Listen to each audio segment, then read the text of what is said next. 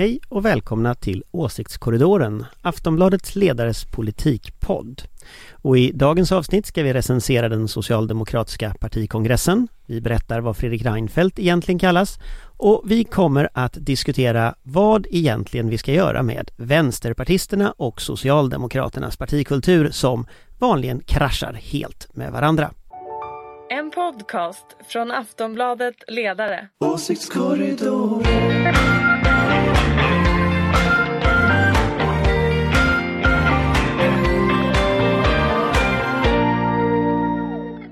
Hej och välkomna till Åsiktskorridoren, en podd från Aftonbladets ledarredaktion och en källa i den politiska öknen.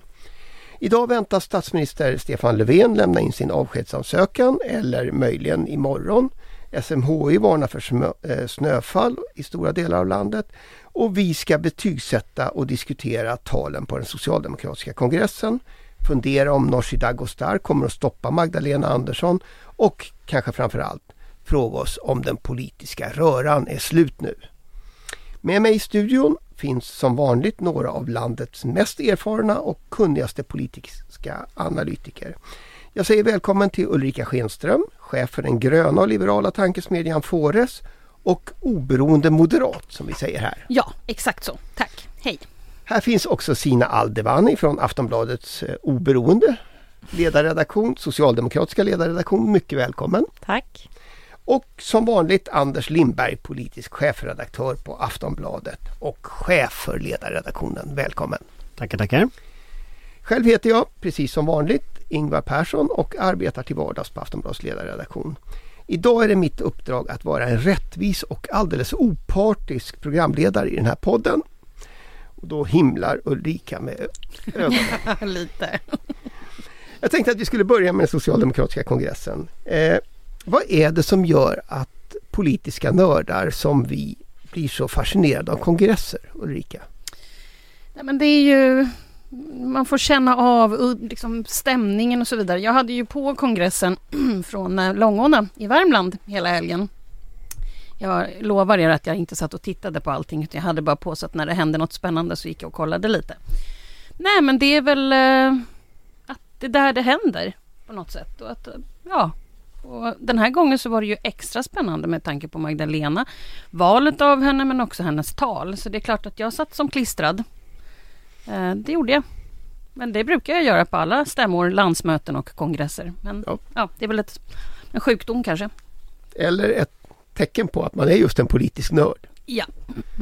Sina, satt du också som klistrad? Jag satt mest klistrad framför alla reaktioner och all kommunikation som kom i sociala medier från kongressen.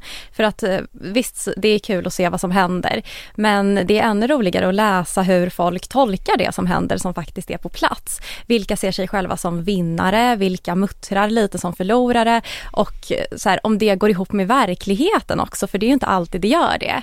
Så det tyckte jag nog var roligast, även om det till slut blev nästan påfrestande mycket eh, i mitt flöde. Men det kanske säger mer om mitt flöde i och för sig. Så kan det vara. Ja. Anders, du var ju på plats. Eh, Ja, vad missade Ulrika och Sina som inte var där? Ja, nog inte så mycket tror jag. Det mesta som händer på plats händer ju också på sociala medier och i media så är det ju. Det är ju väldigt, väldigt liksom öppen tillställning svenska kongresser och landsmöten och stämmor och så. Eh, så jag tror man ser nog det mesta. Men jag menar stämningen på plats är ju liksom intressant. Eh, och, och prata med folk liksom mellan skål och vägg kring eh, vad tycker de om Vänsterpartiets senaste utspel? Hur bedömer de Moderaterna? Vad tänker de om, om Centerpartiet och sådär? Alltså den typen av saker, det säger de ju inte offentligt. Och det är naturligtvis något man får reda på där. Men ifrån min tv-soffa så kändes det ändå som det var väldigt mycket entusiasm. Alltså det kom i alla fall igenom. Så att det är det där man inte riktigt kan känna av om man inte är på plats. Alltså, nu var det ju ganska övertydligt att, att det var mycket entusiasm kring valet av Magdalena. Men, men eh, hur kändes det? Jag, jag vet att jag inte är programledare men jag är jättenyfiken. Nej, men det, kändes, det kändes väldigt tydligt som att socialdemokratin lite kastade av sig en epok och gick in i någon annan epok. Det var väldigt liksom, det var ett tydligt skifte. Och jag tror mycket av den här stämningen att den är, var väldigt positiv. Den handlar om att man var väldigt trött på det man var inne i. Och att det finns liksom en stark förhoppning nu kring, kring att det här eh, eh jag, jag tycker Magdalena Andersson fångade det ganska väl när hon sa att man ska bli lite rödare, lite grönare och lite gråare. Och jag tror att det är tre olika delar av kongressen som tycker det här är viktigt men, men hon fångar liksom in någonting eh, i en färdriktning som jag tror de allra flesta tyckte var väldigt skönt. Och det gör ju också att alla kan utropa sig till vinnare trots att då partistyrelsen egentligen väl förlorade en omröstning om skarvar tror jag. Men i övrigt så, så tog de väl hem alltihop liksom. Är det en, en socialdemokratisk eh, regnbåge? Röd, grön, grå? Alltså det, det, det är nog kärnan i den i alla fall. Man kan ju lägga till lite fler färger naturligtvis. Eh, men, men jag tror ju det är grunden för det som är den förändring man sker, eller som sker nu. Och liksom det här mittenstrategin som Löfven har haft och som ju fanns under Mona Sahlins strategi också en gång i tiden. Den är ju, eh, den är historia. Den väljer man bort i och med det här. Nu väljer man något annat. Och det, det tror jag det fanns liksom inga försvarare riktigt den heller. Jag tycker att jag kände av en entusiasm men också ett självförtroende som är tillbaka. Um, jag tror att socialdemokratin blev väldigt förvirrad av det här med Nya Moderaterna, Alliansen, valvinsten 2006. Det var förvirrat, man visste inte var man själv var på väg. Och det tycker jag att jag kunde känna av att det fanns ett självförtroende som jag tycker man har tappat under en väldigt lång tid. Jag tror att förvirringen sedan 2006 är som bortblåst på något sätt.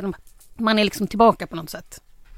Mm, nej men det tror jag, det tror jag är en riktig, mm. Riktig tolkning. Sen, sen finns ju under den här entusiasmen så finns ju väldigt mycket spänningar och konflikter och, och, och, och saker kvar. Liksom så, va? Men, men eh, både Magdalena Andersson och Tobias Baudin ska jag säga eh, lyckades fånga centrala delar i vad som är ett, ett, ett självförtroende och vad som är på något sätt ett budskap framåt. Eh, så jag tror, att, jag tror att det är en annan socialdemokrati som kom ur den här kongressen än som kom in i den. Mm. Det tror jag är helt uppenbart. Och det, det tror jag kommer att bli en sån här historisk punkt som man tittar tillbaka på att det var där liksom det hände, det var där det ändrades. Eh, och det, det, mest tydliga här det var liksom skillnaden i hur folk uppfattar Stefan Löfvens tal när han liksom öppnade kongressen och sen Magdalena Anderssons tal när hon på något sätt var vald och skulle lägga fram sin politik. Att det var sån enorm skillnad i hur folk uppfattar detta liksom. Det var verkligen att man tog farväl av något gammalt och man sa ja till någonting nytt. Eh, på ett sätt som jag inte, och jag har sett alla partikongresser tror jag nästan, det har nog faktiskt alla faktiskt, kanske inte sen, sen 25 någon... år tillbaka. Så jag har aldrig sett liksom den typen av Men kanske inte bara skifte, någonting liksom. nytt utan kanske komma tillbaka till någonting som man var. Kanske, tänker jag. Ja, det är en gammal socialdemokrati som kommer tillbaka. Mm. Det är ingen tillfällighet att det är en av Göran Perssons närmaste medarbetare som är partiledare nu. Det är det du antyder. Det är det jag antyder, ja. Så det lär väl bli en fantastisk eh, eh regeringsombildning. Vilket är, den stora nörden här blir jättenyfiken hur den här regeringsombildningen ska bli. En riktig Göran Perssonsk totalförändring. Det är inte spännande? Mm, men Sina, eh, ur ditt perspektiv då? Eh, Ulrika säger att det är liksom första gången socialdemokratin visar självförtroende på 15 år. Eh, är det den känslan du har också? Jag vet faktiskt inte. Jag tycker att de är ganska bra på att entusiasmera just när det är kongresser och att folk eh, liksom sluter sig bakom eh, och tycker att eh, vi är alla vinnare. Men men visst, kul för dem om det skulle vara så. Men jag tror att Socialdemokraterna är väldigt bra på att liksom peppa sina egna. Och till och med när det är så slitningar mellan olika grupper så lyckas de ändå så ställa sig bakom sin ledare, i det här fallet Magdalena Andersson. Och en del av mig tror ju också att det hade nästan inte spelat någon roll vem det var utan alla hade liksom hurrat och applåderat eh, oavsett, i alla fall i början. Man väntar liksom med kritiken tills man har något slags facit. Ehm, eh, och alla så här farhågor brukar komma senare, eh, i alla fall det som jag har sett. Ja, och det dröjer nog ett år. Mm. Alltså en partiledare får ungefär ett år på sig och det är ju faktiskt efter valet. Ja, det lär ju vara smekmånad men det var ju fantastiska siffror hon fick här i den senaste persondommätningen. Jag tror hon fick 48 procent. Mm. Det var så Stefan Löfvens siffror under pandemin början där. Ja, mm. Fredrik Reinfeldts siffror brukar jag kalla det men... vem? Vem, vem sa du? Ja, ni förstår referenserna. Eh, till olika delar av lyssnarskaran så eh, vet vi ändå vad vi pratar om. En liten sak till. Eh, riktigt uppmärksamma läsare utav Aftonbladet har ju upptäckt nu att eh, Aftonbladet kallar Magdalena Andersson för Magda i tidningen. Varför det Anders? Ja, ledarsidan gör det i alla fall. Nej men eh, hon kallas ju Magda av alla. Och eh, det, det, finns något knepigt tycker jag i att inte använda vedertagna smeknamn.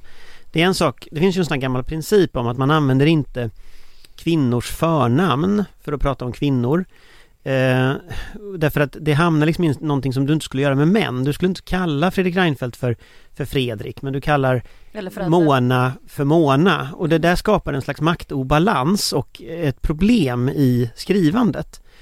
Och det gäller naturligtvis även Magdalena Andersson. Men Magda är ju ett, ett smeknamn ungefär som GV för Leif GW Persson eller Foppa för, för Foppa, jag vet inte ens vad han heter, säga. men Foppa för Foppa, Ibbe för Ibrahim Baylan och så vidare. Alltså det, blir, det finns vedertagna ändå smeknamn som faktiskt används och jag, jag tycker att Magda är ett sånt vedertaget smeknamn. Eh, så det kan man använda. Sen är det ju, sen ska man inte sticka under stol med att Magdalena Andersson är ett förfärligt rubriknamn. Det är jättelångt. Mm. Men det är mer praktisk kom invändning. Kom det praktiska där. Eh, men eh, Sina, tycker du att man ska använda smeknamn om politiker? Alltså, jag vet faktiskt inte. Jag är ganska, jag är också ganska så här tveksam för att det är klart att Magdalena Andersson, jättetråkigt rubriknamn. Bara Andersson blir en referens som jag tror få skulle fatta oavsett hur länge hon sitter. Det är ett så himla vanligt efternamn. Löfven, Reinfeldt, Salin. Um, så jag tror ändå att det är en ganska bra kompromiss. Men sen så beror det ju på, vi kanske ändrar oss. Hon kanske inte känns som en Magda eh, om, om några månader eller om något år och då får man kanske... Vi har väl bara publicerat en artikel där vi har Exakt. Ja men nu känns hon som en Magda. Hon kanske inte kommer kännas som en Magda alltid. Då får man väl omvärdera det. Mm. Men vad säger du Ulrika? Alltså det, det finns ju något något försök att vara familjär med folk som... Ja, eller förminska. Ja. Mm. Jag menar, eh, Fredrik Reinfeldt kallades ibland för Raj-Raj. Eh, det skulle jag, jag inte, hört. Jag, inte jag, jag kan berätta att det var inte i positiva vederlag utan Nej. det var då. Så att man får ju passa det hade sig man för... tänkt sig. Och sen så kanske jag säger, jag menar, vi vet väl inte, jag menar det vet säkert ni, men, men Magdalena Andersson kanske kallas för någonting än, än mer. Alltså det finns ju, kärt barn kan ju ha många namn så att det gäller ju att välja då i så fall det positiva. Ja, men om man tar en man annan inte hamnar som... rakt in i någon slags fejd mellan två falanger eller något. Nej, men om man tar en annan som, sån, som person, arbetarrörelseperson som Kolle till exempel, Karl Petter Thorvaldsson eh, han, han, har ju kallats Kolle i alla år, han kallas Kolle tror jag faktiskt i löptext till och med, jag skulle inte förvåna mig om han till och med gör det i redaktionell text, alltså från nyhetsredaktionen, det vet jag inte men jag bara, han, han är ju Kolle liksom. Mm. Eh, men det beror ju också på att hans namn är Karl Petter Thorvaldsson, eller helt exakt Karl Petter Niklas Thorvaldsson tror jag till och med det. Och liksom det är för långt eh, och, och, du måste vid någon tidpunkt liksom förkorta det och då har det blivit Kolle och sen har det liksom varit så. Sen har det varit så, sen tror inte jag folk vet vad han heter. Men sen handlar det ju också om ifall personen i fråga är, är, tycker att det är okej själv, det mm. märker man ju. Ja, nej men exakt. Mm. Jag tror att Magdalena Anderssons privata Facebook tror jag faktiskt hon kallar sig för Magda Andersson.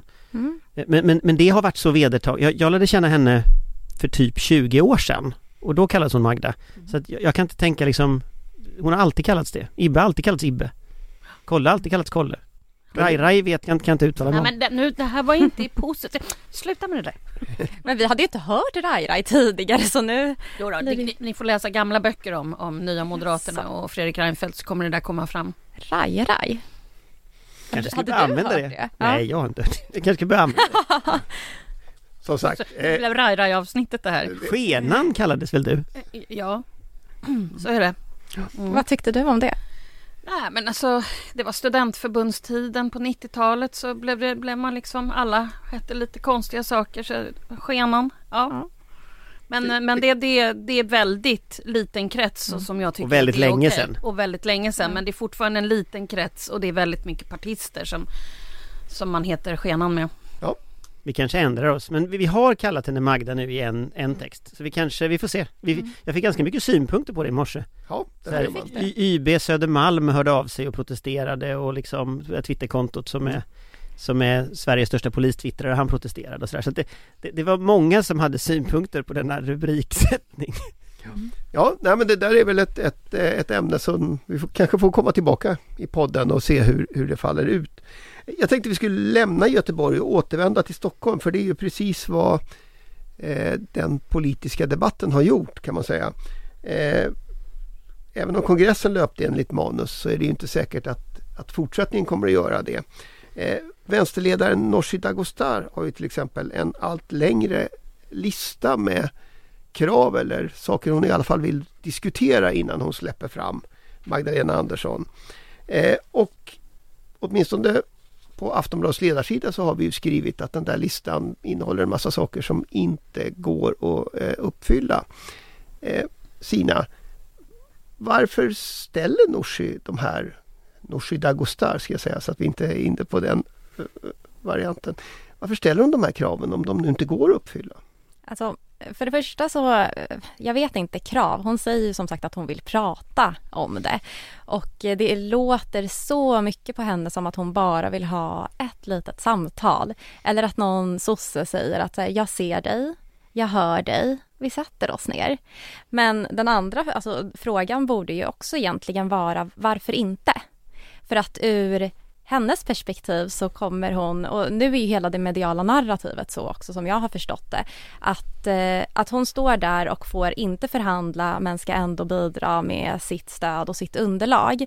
Så jag tror att det är ju väldigt lätt också för en person utifrån att köpa det. Att så här, ja, varför skulle hon inte ställa några krav eller varför skulle hon gå med på att så här, bli helt ignorerad? Men det kan ju också ha någonting med Socialdemokraternas retorik och sätt att vara och göra också. Att när hon säger jag sträcker ut en hand så ser de det som att det här är utpressning, nu är det hårt mot hårt. Och så trappar man upp också en konflikt som inte hade behövt finnas från första början. Vad gör du för bedömning eh, Ulrika? Jag tror att eh, hon inte har något val än att släppa igenom Magdalena. Jag håller helt med dig om att man bör samtala och så. Men om hon står mellan valet av Magdalena Andersson och Ulf Kristersson så kommer hon att landa på Magdalena Andersson. Därför hennes väljare kommer inte bli jättenöjda över att hon släpper fram Ulf Kristersson. Så att jag tror inte det kommer att bli. Det kommer vara lite dramaturgi i media här tror jag fram och tillbaka. Och de kommer att samtala, de kommer att vara hårda ord mot varandra och sådär. Men till slut så kommer Sverige få en ny statsminister som heter Magdalena Andersson. Och det är liksom din, det är dagens tolkning av att det finns Absolut. ändå förnuft i... Nej men alltså, jag menar, jag har väldigt svårt att se att, att eh, Vänsterpartiet skulle kunna behålla eh, vänsterväljare genom att släppa fram både Ulf Kristersson med stöd av Sverigedemokraterna. Det är väl självklart att hon måste välja det ena. Det betyder inte att inte Magdalena Andersson skulle kunna vara lite trevlig. Mm. Men det är en annan sak. Borde hon vara lite trevlig, Anders? Ja, jag tycker hon kan vara trevlig. Eh, men jag tror att man ska inte tänka att det är en votering det handlar om. Utan jag tror man ska tänka att man bygger en slags långsiktig idé om vad, hur ska ett samarbete se ut framöver. För det är säkert så som Ulrika säger att, att du har ju fyra statsministervoteringar på dig för talmannen och så ska då Vänsterpartiet stå där i den fjärde voteringen. Mm. Inte tusan kommer de att släppa fram Ulf Kristersson eller åstadkomma ett nyval några månader innan valet liksom. Men vad skapar det för långsiktiga relationer? Eh, det tror inte jag fungerar utan jag tror att jag tror att eh, Socialdemokraterna ska ta chansen nu när det finns inget januariavtal, det finns inga liksom förbud att diskutera med Vänsterpartiet. Man kommer inte få igenom saker i riksdagen. Eh, det, det kommer inte att gå för man har inte majoritet. Men man kan lova Vänsterpartiet saker man kan bestämma i regeringen. Man kan lova regleringsbrev, man kan ändra i regleringsbrev. Ta Försäkringskassan till exempel. Det är en av frågorna vänsterpartisterna lyfter upp. Ja men det kan man ändra i det regleringsbrevet till exempel. Man kan ha myndighetsuppdrag. Man kan utreda saker. Man kan ge myndigheter uppdrag att göra saker. Eh, men, så att, men det finns en massa saker man kan göra som är riktig, riktig politik och som inte omfattas av budgeten så att inte Centern har veto mot det. Jag tycker man ska ta chansen nu och se om man kan bygga den relationen. För jag tror att Sina har väldigt, väldigt rätt i det här att det här är väldigt mycket partikultur nu. Uh, och det är onödigt att hamna i bråk för att man liksom inte förstår varandra och inte kan prata med varandra. Det är liksom inte, det är ingen, det är ingen som vinner på det när liksom i slutändan. Och det är lite på väg nu om man lyssnar på eh, upptrappad retorik och det är liksom onödigt tycker jag. Det, det, är egentligen också det jag tänkte vi skulle avsluta med. För jag menar nu står vi ju inför den här drillen som vi börjar kunna ganska bra nu med med liksom talmansrunder, en eller flera omröstningar i riksdagen, en eller flera uppräkningar av enskilda ledamöter och försök att och liksom se om de är på plats eller om de är, är flyktade och, och, och det ena med det andra. Alltså, vi kan ju drillen sen, sen början på sommaren. Eh, är det här sista gången vi upplever det här, Ulrika? Nej, jag tror att vi kommer att ha... Eh, vi kommer ju inte ha några... Jag tror inte vi kommer att ha några majoritetsregeringar. Jag tror att det kommer att vara förhandlingar. Och vi får helt enkelt tänka på att det kan bli regeringskoalitioner som vi kanske inte har tänkt oss. Det vet man inte, men vi får nog vänja oss vid det här. Och många andra länder har ju haft den här realiteten. Vi har ju ja, haft Socialdemokraterna i 65 och 74 år, majoritets, äh, minoritetsregeringar. Så att det är väl bara att vänja sig. Ja, så det, ska vi, det är det vi får vara vana vid. Kina. Ja, men jag tror det. Men ska vi vänja oss vid det, då måste vi också vänja oss vid att alla partier i den här typen av koalitioner kommer ställa någon typ av krav. Det. Eh, det. kommer inte vara så att de, de ställer sig vid sidan och säger ah, ja, men vi röstar på det minst dåliga alternativet men vi får inte igenom något av vår politik. Det tror jag är lite naivt att tro. Nej, jag vet inte om det är så. Jag, jag, jag, ser ju framför mig att så är det så länge SD har en så styrka som de är och så stora de är. Men det är klart att om, om vi hypotetiskt antar att, att Magdalena Andersson och, och Dadgostar och, och Löv och Märta Stenevi reder upp den här soppan nu. Att vi får en ny regering, vi får Sveriges första kvinnliga statsminister på plats. Du tänker det är en badtunna? i en badtunna allihopa. Ja, det hoppas jag verkligen inte men, men vi, vi, vi, antar att det händer. Då finns det en ganska stor chans att besegra den här eh, Kristerssonska alliansen med SD och kompani. Och om det sker så tror jag ju att Moderaterna kommer att börja någon form av omtänk. Därför att då har man förlorat två val med den här idén och historiskt brukar partier tänka om då. Och i det läget kanske alliansen återuppstår. Det kanske är alliansen plus MP som återuppstår. Alltså, jag tror att vi, vi, vi måste... Den här idén om att vi har två block som kommer att stå mot varandra och som ser ut på det här sättet. Den kan lika väl, den kan finnas efter nästa val men det kan lika väl vara så att om tio månader så är det helt andra konstellationer som gäller. Och, och det där, den insikten, eh, den tror jag liksom, den gör att vi kanske slipper SD. Eh, vi kanske, de kanske inte spelar någon roll därför att Moderaterna inte släpper in dem liksom. Eh, och det, det ska man inte underskatta. Moderaterna tar tillbaka en massa LO-väljare. Ja, men det kan hända alla möjliga konstiga saker. Och tittar vi på tyska valet, tittar vi på norska valet så ser vi ju nu att det är en ny typ av väljarkoalition som börjar kliva fram i olika länder. Och den väljarkoalitionen är rätt lik eh, S, V, MP, C. Det är lite centrum-periferi, det är lite vänster Eh, alltså det är, det är inte helt otänkbart att det blir en ny konstellation på något sätt. Men i Tyskland är ju, för att ta det som exempel, eftersom de också fortfarande håller på att försöka bilda en regering. Apropå. Ja men det är ju samma sak, de har sin Annie Lööf, fast han heter Christian Lindner mm. och, och, det partiet är ännu mer höger än vad Annie Lööf är. Mm. Eh, men där finns ju också fortfarande, vad ska jag säga, taleförbuden åt både höger och vänster. Precis så. Ja, fast där har de ju borta både höger och vänster. Fast där kan man väl säga att den tyska historien är ju lite annorlunda. Att deras vänsterparti byggde Berlinmuren och deras högerparti är liksom inte en arvtagare till nazisterna men de har liksom histor de, de anses av säkerhetstjänsten vara demokratiskt opolitliga. Så att menar, det är klart att båda de varianterna är svårare men jag är inte säker på att det kommer att bestå i Tyskland heller. Så jag tror Stina har helt rätt. Det kommer att bli så att alla partier kommer att kliva in på olika sätt på sina villkor. Det kommer bli mycket rörigare framöver. Jag tror att det kommer vara väldigt svårt för en tyskarna att just ta in just höger eller väldigt mycket vänster. Jag tycker det är en väldigt fin modell annars, det som Angela Merkel har haft för sig. En stor koalition i mitten. Ja. Men det där är ju Annie Lööfs stora mitten, som, den finns ju inte, den består jo, ju bara av Annie Lööf. Angela Merkel har den. Jo men i Sverige, den, det är ju bara Annie Lööf. Men nu pratade vi om Tyskland, inte om Sverige. Ja, okej. Okay. Jag tänkte att det var en analogi. Vi kan ta en utrikespodd du och jag Andersen. Bara jag tänkte att det var en analogi för Sverige. Det blir ju snart Folk och Försvar. Vi kanske skulle ha... Mm. Ja, vi kan slå fast att... att Anders i sin hummer med, med hjälmen. Ja, ingen, har gjort, ingen har gjort någon analogi mellan Tyskland och Sverige. Eh, I alla fall inte i den här podden. Eh, tydligt. Eh, ha, men så vi, vi får alltså räkna med att det här fortsätter. Eh, men de här taleförbuden. Alltså för vad du säger Sina, det är ju egentligen att, att eh, regeringssidan idag måste dra samma slutsats som Moderaterna har gjort eh, på sin sida. Eh, vill man, man måste prata, alltså om de pratar med Sverigedemokraterna så måste eh, Socialdemokraterna prata med Vänsterpartiet. Ja men jag tror verkligen att, och sen så är det också så här, det, det, behöver inte ens vara en sån jämförelse utan det är bara om man ska ha Centerpartiets stöd så ska man väl, och pratar med dem så måste man väl prata med Vänsterpartiet. Eh, och sen så förstår jag att det kan ju vara svårt att mötas men det kan ju vara typ ett kommunikationsproblem ser det ut som nästan i medierna nu. Eh, varför de tycker att de bara pratar förbi varandra. Eh, och, och Vänsterpartiet och sin sida som blir eh, blir anklagade för att eventuellt släppa fram Sverigedemokraterna samtidigt som Socialdemokraterna trappar upp sin egen retorik så den påminner om det i olika frågor. Det kan ju också tolkas som lite hyckleri så jag tror absolut att man måste i alla fall säga hej, vad vill ni prata om då?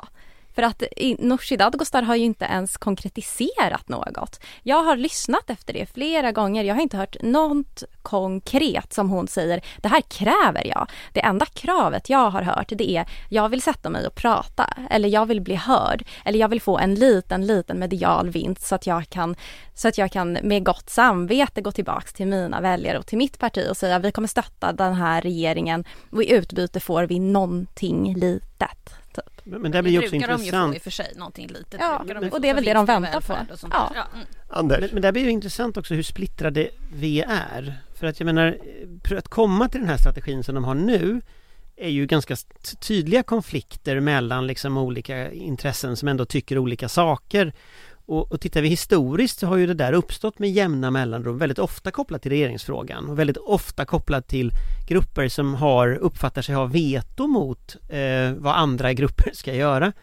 Miljöpartiet funkar ju på lite samma sätt. Eh, och det där blir ju liksom, det där är en partikulturell grej. För när sossarna tittar på det där och så går de iväg och förhandlar och så kommer de överens och sen så som det här med strandskyddet och skogen som då föll i Miljöpartiets partiledning, då fattar sossar ingenting. Det blir bara tvärstopp. Och, och grejen någonstans den är att jag tror, det jag är rädd för händer nu, det är att sossarna kommer liksom, de får sitt mandat från sin partiledning, de räcker ut handen till Nooshi Dadgostar, hon tar emot handen, går tillbaka till sin partiledning, som då kommer med sju krav till. Och, och den där, hamnar man i det läget, då kommer man, då kommer så här partikulturerna att mala sönder varann. Och jag tycker låter i media, för varje gång Nooshi Dadgostar är med i TV så kommer något nytt. Så. Och, och det, det kommer ju någonstans ifrån. Och det här tror jag är en sån här partikulturell grej som båda sidor måste vara väldigt, väldigt vaksamma för att det inte ska liksom bara krasch. Så.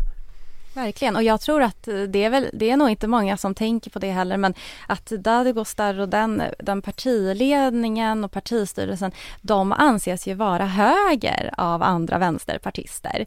Eh, och att de hela tiden blir varnade, men ni kan inte gå för långt högerut, ni kan inte kompromissa hur mycket som helst, medan Socialdemokraterna, de ser ett vänsterparti. Eh, och att vadå, det här ska ju ni vara glada över. Vi pratar mer eller ni får ju det här lilla. Medan det, liksom, det internt också finns ganska mycket slitningar. Eh, så det får man också vara lite ödmjuk inför kanske. Det där tror inte jag Socialdemokraterna ser. Nej. Och det, och det är precis samma sak med Centerpartiet när de började bråka internt om det med strandskydd och sånt. Socialdemokraterna ser ett Centerparti. Mm. Medan när man pratar med Centerpartister... Ett miljöparti? Nej, Centerpartiet. Ja, okay. Medan man ser Centerpartiet så ser de Helena Lindahl som mycket väl kan vandra iväg och rösta med Ulf Kristersson. Vilket Centerpartisterna lyfter fram som, ja men det finns flera ledamöter som är tveksamma. Det är inte ett block liksom. Och det där tror jag det där måste liksom de olika aktörerna här inse därför att annars så kommer hjulen att ramla av detta. Hörrni, eh, det är vad vi kommer att hinna med. Eh, jag plockar med mig att vi vid något tillfälle i podden här måste prata om hur blev frågan om vem pratar med vem så stor i svensk politik? För det tycks ju ha varit en av de saker som, som just nu liksom fastnat eh, på riktigt. Dessutom i nästa vecka har Sverige möjligen en ny regering eller en ny regeringskris. Eh, hur som helst så pågår ju spelet om Rosenbad för fullt. Eh, det kommer vi att prata om. Men till dess vill jag tacka panelen. Tack Ulrika, tack Sina och tack Anders. Och jag vill dessutom tacka dig som lyssnar. Det är för dig vi gör den här podden. Nästa tisdag är vi tillbaka. Missa inte det. Hej hej! Hej hej! Ha en fin vecka! En podcast från Aftonbladet Ledare. Åsiktskorridoren.